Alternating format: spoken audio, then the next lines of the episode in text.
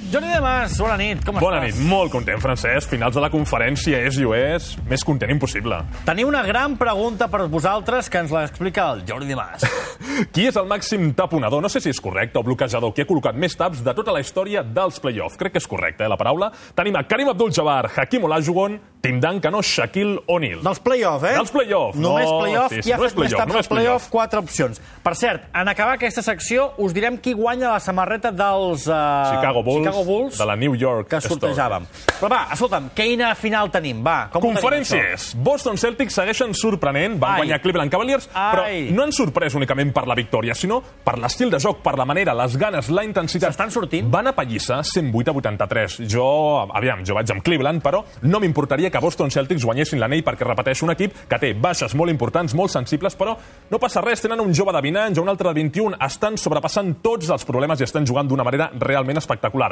En el primer quart van fer un parcial de 17 a 0, que vaig dir, això ja s'ha trencat, i per culpa d'aquell parcial Cleveland ja no va poder fer res. LeBron James, qui va passar amb LeBron James? Un dels seus pitjors partits, estem Ai, ai. parlant d'un dels millors jugadors de la història, un dels seus pitjors partits. Què va passar?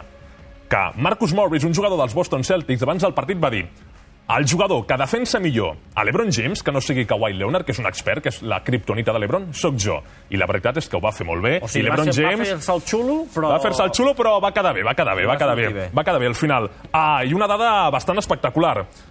Jalen Brown, 23 punts, Morris, 21 i Horford, 20 punts. Són, els, bueno, des del 2012, cap tres jugadors titulars dels Boston Celtics no havien anotat més de 20 punts en un partit de la final de la conferència. És, per tant, uns jugadors que no tenen tant nom, però s'estan menjant amb patates els Cleveland Ah, Els Cavaliers. veus passant?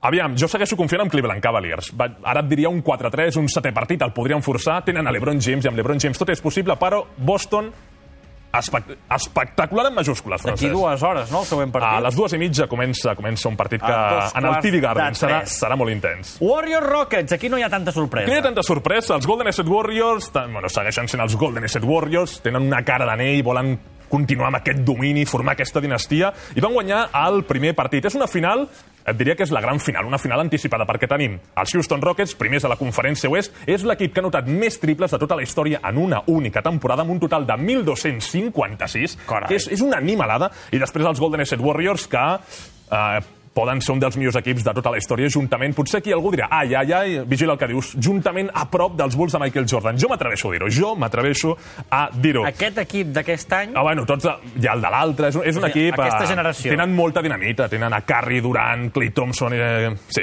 són, són imparables. Van guanyar el primer partit, 119-116, hi havia molta igualtat fins a la mitja part, 56-56, però després en el tercer quart els Warriors van complir el guió de la pel·lícula i van dir, escolta, som els Warriors, una mica de, de ritme, i van acabar, van acabar guanyant. Bon partit de Durant i de James Harden amb 41 punts. Per tant, per davant els Celtics, per davant els Warriors...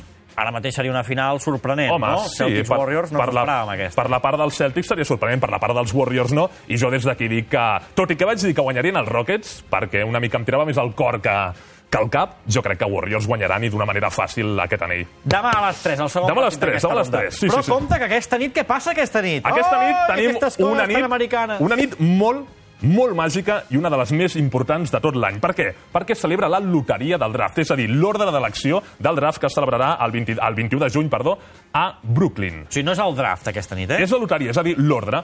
15 equips, bueno, el sistema està molt bé, eh? posen 14 boles en un bombo, eh, i bueno, treuen 4, i cada equip té una sèrie de combinacions. Per exemple, treuen 4, 1, 12 i 10. I qui té aquesta combinació, doncs té aquest primer...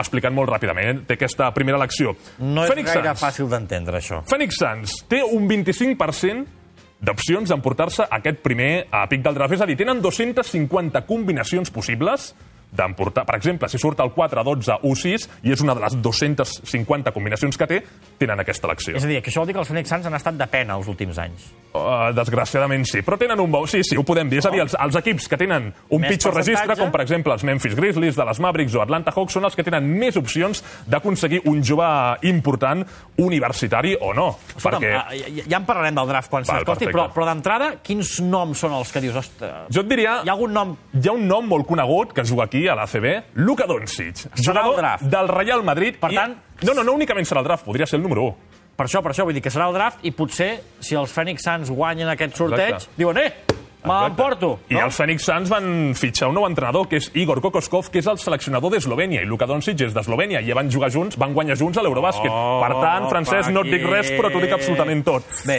algun nom més així que haguem de fer? De Andre Ayton, un pivot d'Arizona, també, un que sempre fa dobles-dobles, 20 punts, 11 rebots, molt físic, molt atlètic. Resolem la gran pregunta. Hem dit qui és el màxim taponador de la història dels play-off. Karim, Hakim, Duncan o Shaquille O'Neal. I la resposta correcta? Tim Duncan amb 568 taps, eh? El mite dels San Antonio Spurs, el 21 màgic, mm, un jugador que té un 5 anells de l'NBA. Tim Duncan, Tim Duncan. A les xarxes podeu trobar el nom del guanyador de la samarreta, Perfecte. de la samarreta dels, dels Bulls. Que la gaudeixi.